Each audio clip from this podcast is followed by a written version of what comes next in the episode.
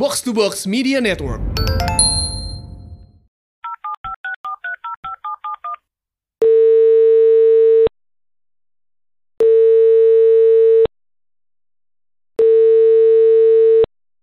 Hai, aku Pam Pam. Aku satu sekolah sama Fajar dan Mariana pas SMK. Kelasnya beda sih, cuman seangkatan aja.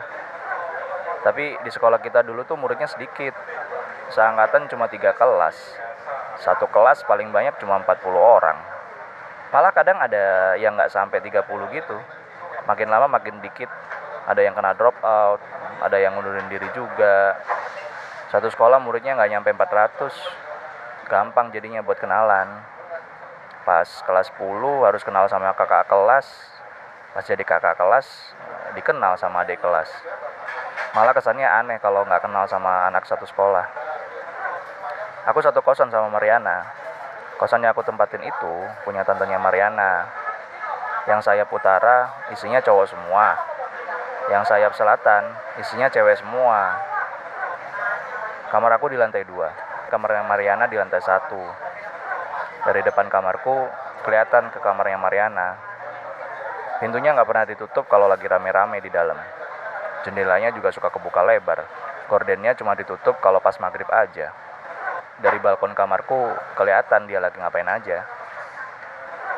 Kosan Mariana udah jadi base camp gengnya mereka. Mariana, Fajar, sama Kenta. Kalau ada satu, ada semua. Kalau nggak ada satu, nggak ada semua nggak tahu deh pada ke mana kalau pada ngilang tahu-tahu Mariana pulang jam 10 atau jam 11 malam aja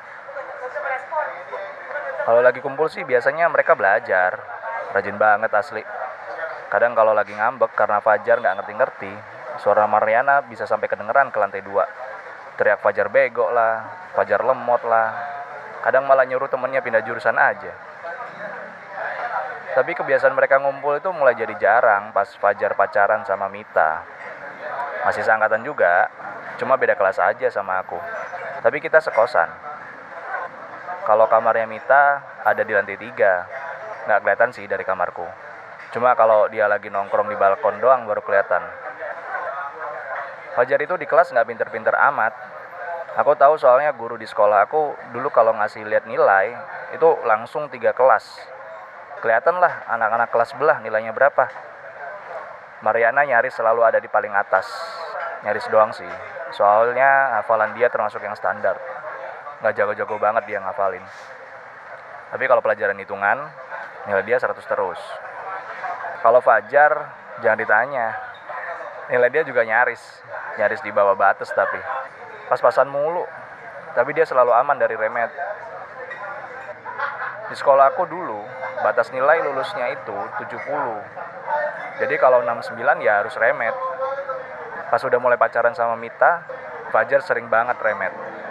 Nilai dia sering di bawah 70. Kayaknya punya pacar bikin dia jadi kehilangan fokus deh. Mita jadi distraksi aja buat Fajar. Tiap hari ngejemput Mita ke kamarnya. Suka mintain buka pintu depan sama Mariana kalau pagi.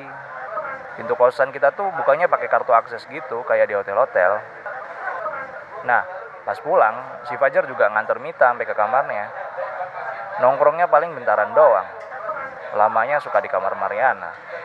Aku suka merhatiin soalnya kepo sama cowok-cowok yang suka nyebrang ke sayap selatan. Di sini bebas sih. Nggak ada aturan yang nggak ngebolehin cowok sama cewek nyebrang gitu. Makanya banyak yang pacaran. Cuma biasanya yang takut-takut mah suka diem di bawah. Jadi di antara kamar cewek dan cowok itu banyak sofa sama meja.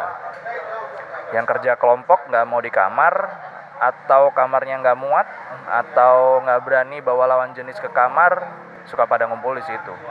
Yang nginep juga pada tidur di situ. Oh ya, nilai Mita juga nggak bagus-bagus amat. Aku heran, apa yang Mita lihat dari Fajar?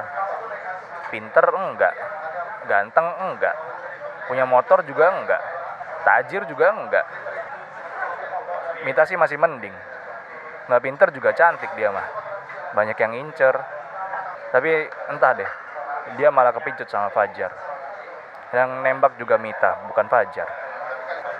Tapi cantik kalau bikin nilai turun juga buat apa dipacarin? Malah bikin was-was. Di sekolah aku, nggak ada yang nggak naik kelas. Soalnya yang nggak naik kelas langsung dikeluarin dari sekolah. Pas deket-deket ulangan semester, Mariana udah kayak orang gila. Tiap hari marahin Fajar. Anak-anak di kosan pada ngeluh soalnya. Berisik. Tapi nggak ada yang berani negur. Soalnya dia keponakan ibu kos. Tapi si Mariana juga nggak berani negur Fajar biar nggak pacaran. Palingan dia takut malah dikatain jealous sama Fajar. Soalnya Mariana nggak pernah kelihatan punya pacar.